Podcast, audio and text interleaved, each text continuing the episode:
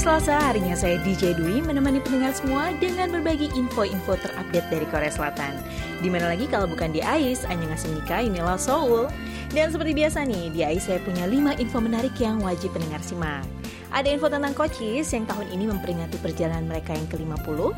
Lalu ada info tentang webtoon Hellbound yang pembacanya nih mendadak naik berlipat-lipat nih setelah dramanya tayang. Dan di info terakhir nanti saya punya kabar bahagia yang datang dari keluarga Teang dan juga Hierin. Langsung aja kita mulai, ini dia Ais, Anya Simnika, inilah Seoul.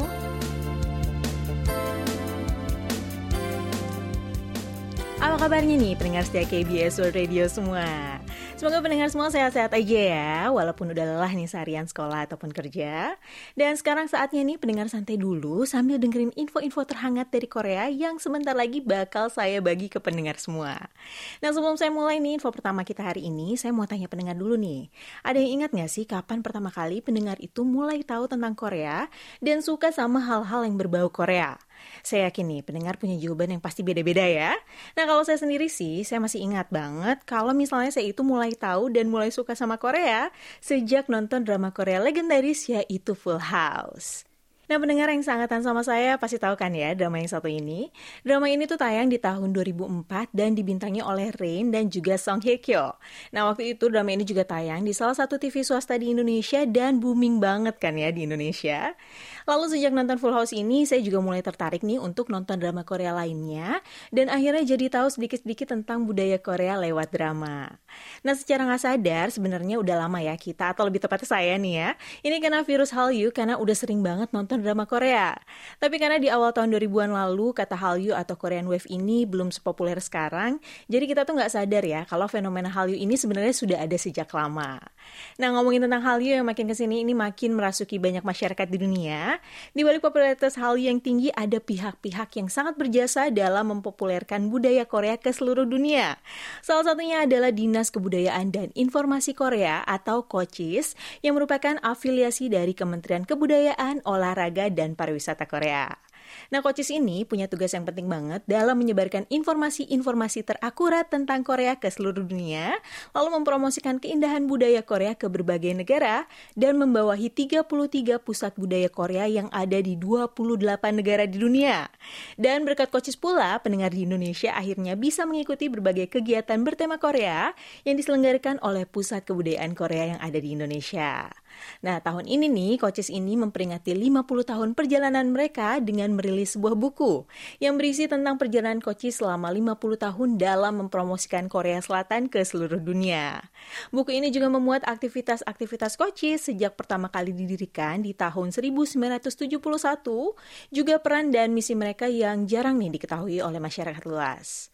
Dalam buku juga ada kegiatan pilihan staff yang dianggap paling menarik dan berkesan nih selama berdirinya Coaches ini. Di antaranya ada kontes K-pop di Amerika tahun 2010 lalu yang dianggap sebagai katalis dalam promosi K-pop di sana. Lalu ada juga momen bersejarah saat Paus Franciscus yang berkunjung ke Korea dan konferensi tingkat tinggi antara Korea Selatan dan Korea Utara di tahun 2018 lalu. Buku ini juga merupakan hasil kolaborasi antara 33 pusat kebudayaan Korea di 28 negara dan juga pejabat di pemerintahan yang bertanggung jawab untuk mempromosikan budaya Korea ke mata dunia. Nah, menurut Direktur Kocis nih, Park Jung Yol, buku ini adalah catatan keringat dan usaha para staf Kocis yang telah bekerja tanpa lelah selama 50 tahun terakhir dalam menggali kekuatan budaya lokal dan menjadikannya mengglobal. Ia juga mengatakan kalau Kocis ini akan bekerja lebih keras lagi agar hal Hallyu bisa dinikmati oleh lebih banyak orang di seluruh dunia. Nah, sekarang pendengar tahu kan ya, siapa sih pihak-pihak di balik popularitas Hallyu di seluruh dunia? Kalau selama ini kita taunya itu cuma artis K-pop atau K-drama aja, ternyata peran mereka yang nggak pernah muncul di layar ini juga nggak kalah penting ya pendengar ya. Dan hebatnya lagi nih, Korea Selatan itu industri kreatif dan hiburannya didukung penuh oleh pemerintah. Jadi nggak heran ya, kalau misalnya makin ke sini, budaya Korea itu makin mudah diterima dan dicintai oleh masyarakat internasional.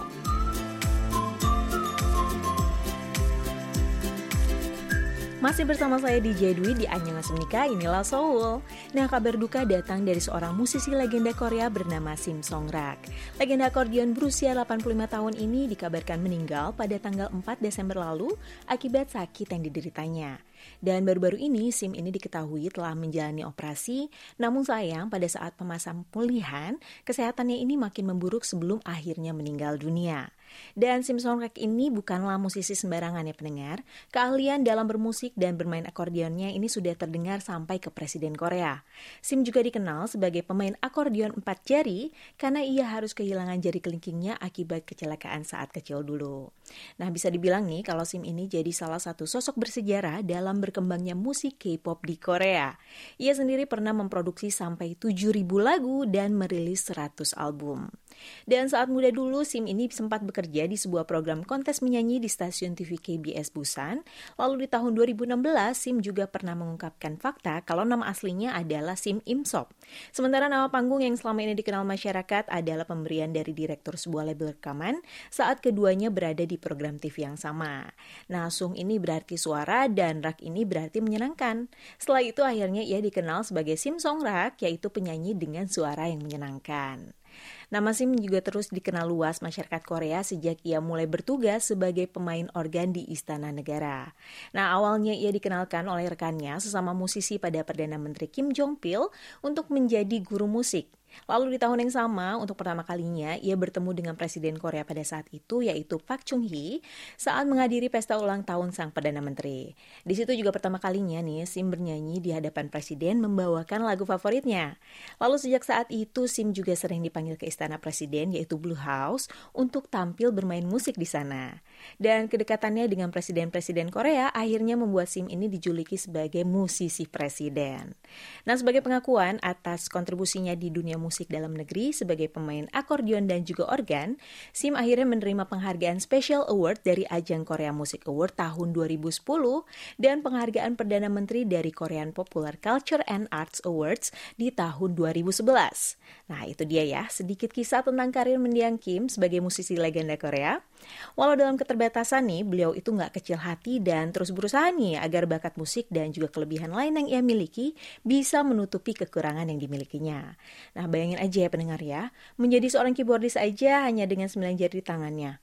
Padahal jari adalah senjata utama keyboardis untuk menonton musik di atas sebuah organ, ya nggak sih? Tapi itulah mendiang SIM yang mampu membuktikan ke kita semua bahwa nggak ada yang nggak mungkin di dunia asalkan kita mau berusaha. Nah sekarang mendiang SIM telah berpulang dengan damai meninggalkan banyak karya indah untuk masyarakat Korea. Raganya memang udah nggak ada ya pendengar, tapi karya-karyanya akan selalu ada di hati masyarakat Korea.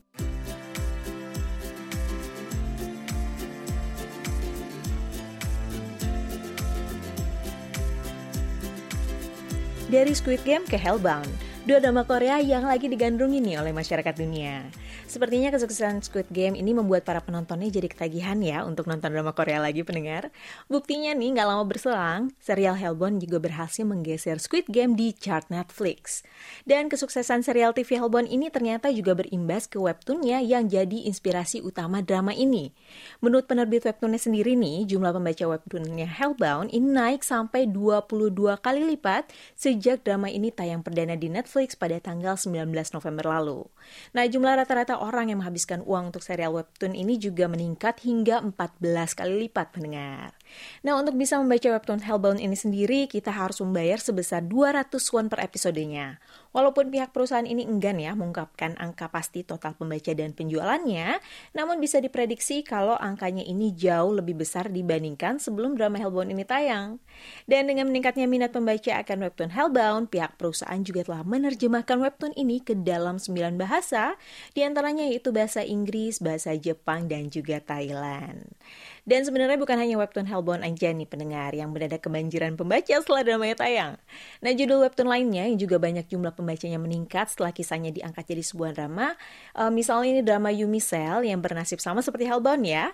Setelah drama ini tayang, webtoonnya itu ikut naik uh, makin populer dengan jumlah pembaca naik sampai 30 kali lipat. Dan berikutnya nih ada webtoon Sweet Home. Setelah drama Sweet Home ini diangkat dari uh, jadi drama dan juga tayang di Netflix, jumlah pengguna webtoon globalnya ini meningkat tajam nih pendengar. Saat itu volume transaksi webtoonnya ini melebihi 820 miliar won dan pengguna aktif bulanannya tembus sampai 72 juta di tahun 2020. Nah, drama Sweet Home ini dibintangi oleh aktor Song Kang, Lee Jin Wook, Lee Si Young, dan Lee Hyun ini berkisah tentang bumi yang diserang oleh monster-monster. Lalu orang-orang yang tinggal di apartemen terjebak di dalam gedung dan berusaha untuk terus bertahan hidup dengan cara mereka masing-masing. Nah, penjualan konten Korea yang dalam beberapa terhok ini memang meningkat praktis ya pendengar ya. Menurut agensi konten kreatif Korea nih, penjualan konten Korea diperkirakan mencapai 133,6 triliun won di tahun 2021 dengan angka ekspor mencapai 11,6 miliar dolar. Ini 6,8 persen lebih tinggi dari tahun sebelumnya. Nah, melihat banyaknya kesuksesan yang diraih oleh konten-konten Korea, satu persatu nih platform streaming asing akhirnya mengaku ah, mereka akan berinvestasi lebih banyak dalam memproduksi konten Korea pada tahun depan. Nah, walaupun masih pandemi ini, ternyata nggak bikin konten-konten kreatif Korea ini redup ya pendengar ya. Malah makin ke sini makin banyak aja nih tontonan berkualitas yang layak untuk kita tonton. Apalagi kalau tontonan atau dramanya diadaptasi dari cerita webtoon. Nah, ini biasanya bakal lebih laris nih. Karena mereka yang udah lebih dulu baca webtoonnya pasti penasaran kan ya, seperti apa sih kisah webtoon ini kalau misalnya dibuat jadi drama. Nah, begitu juga dengan mereka yang lebih dulu nonton dramanya dari baca webtoonnya. Mereka juga pasti penasaran. Nah, dengan cerita sebenarnya sebenarnya drama ini kayak gimana ya? Karena biasanya nih cerita dalam bentuk webtoon itu akan lebih detail dan juga lengkap dibandingkan di dalam film. Nah kalau misalnya pendengar di rumah kira-kira masuk tipe yang mana nih? Yang baca webtoonnya dulu lalu nonton dramanya atau nonton dramanya dulu baru baca webtoonnya? kalau saya sih biasanya saya nonton dramanya dulu baru baca webtoonnya.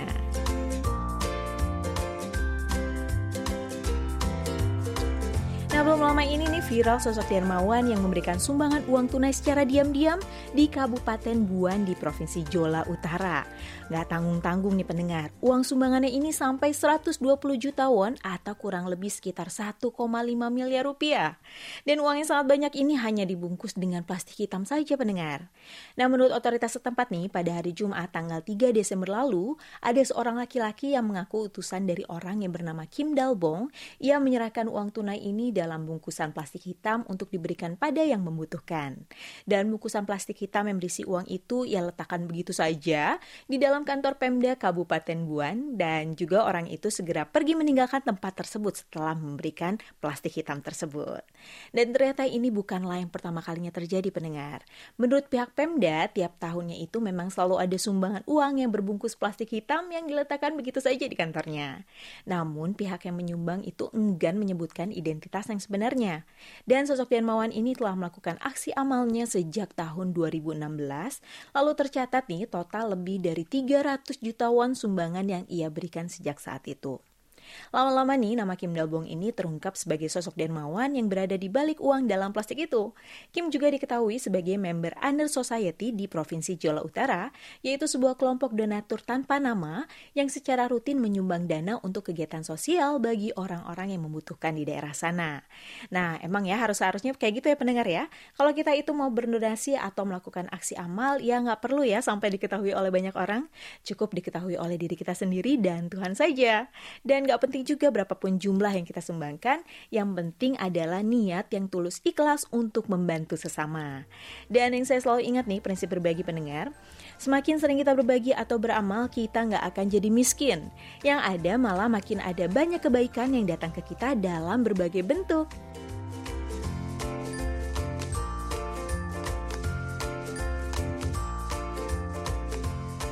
Saya punya kabar bahagia buat kita semua nih pendengar. Kabar bahagia ini datang dari pasangan Taeyang Big Bang dan juga aktris Min Hyorin yang baru saja dikaruniai anak laki-laki. Selamat ya untuk Min Hyorin dan Taeyang. Nah, kabar bahagia ini sudah dikonfirmasi oleh pihak agensi Taeyang yaitu YG Entertainment. Mereka mengumumkan kalau istri dari artisnya itu telah melahirkan anak laki-laki yang sehat. Pasangan ini juga sempat menyembunyikan status kehamilan Hyorin dan baru mengonfirmasi menjelang akhir September 2021 lalu. Saat itu sebuah harian lokal melaporkan bahwa Hyorin ini telah hamil dan tinggal menanti waktu untuk kelahiran sang bayi. Nah, alasan mengapa keduanya ini enggan mengumumkan kehamilannya ke publik adalah karena mereka ini ingin agar kehamilan dan proses kelahirannya Hyorin ini bisa berjalan dengan tenang. Dan mereka juga enggan memberikan informasi lanjutan terkait kabar kehamilan ini. Nah, kisah cinta antara Taeyang Big Bang dan juga Min Hyorin ini memang udah lama terjalin ya pendengar ya. Mereka diketahui mulai berkencan di tahun 2014 setelah mereka bertemu di lokasi syuting video musik mereka. Nah, dikenal sebagai sosok yang romantis nih, Taeyang juga pernah kedapatan menulis surat cinta untuk Hyorin. Wah, romantis banget nih pendengar. Padahal keduanya kan pasti punya HP ya. Tapi Taeyang ini tetap milih kirim surat aja. Nah, selama 4 tahun pacaran, akhirnya keduanya memutuskan untuk menikah pada bulan Februari tahun 2018. Keduanya memang udah terlihat sangat mencintai dan saling mengagumi nih satu sama lain. Taeyang juga sering kali memuji kekasihnya dan mengatakan kalau Hyerin ini adalah sosok yang menginspirasinya saat ia menulis lagu yang berjudul Eyes, Nose, dan Lips. Ia pun mempersembahkan lagu ini untuk sang istri di hari pernikahan mereka. Nah, tapi yang lebih menghebohkan lagi nih adalah setelah mereka menikah dulu nih pendengar. Karena baru sebulan menikah, Taeyang ini harus meninggalkan sang istri untuk menjalani kewajiban wajib militernya. Nah, Taeyang ini wajib militernya pada 12 Maret 2018 dan selesai di 16 Mei 2020. Ini tipikal artis Korea ya pendengar ya, nggak mau nih kalau kehidupan pribadi atau kehidupan pernikahannya jadi konsumsi publik. Dan pasangan Taeyang dan Hyorin ini juga termasuk yang adem ayem aja nih kehidupan pernikahannya. Hampir nggak ada gosip yang aneh-aneh lah ya. Eh tahu-tahu sekarang mereka udah punya anak aja. Sekali lagi selamat ya untuk Taeyang dan juga Hyorin yang sekarang sudah resmi jadi orang tua. Ayahnya seorang musisi hebat nih. Ibunya seorang penyanyi dan juga aktif berbakat. Kira-kira anaknya nanti bakal ngikutin jejak ayahnya atau jejak ibunya ya?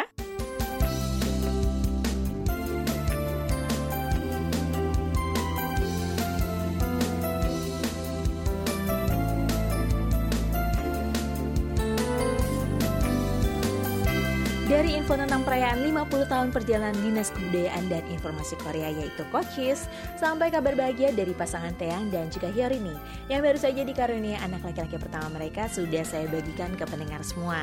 Sekarang saatnya saya DJ Dwi undur diri, selalu jaga kesehatan dan selamat melanjutkan kembali aktivitas pendengar semua. Neildo Hamgeheo.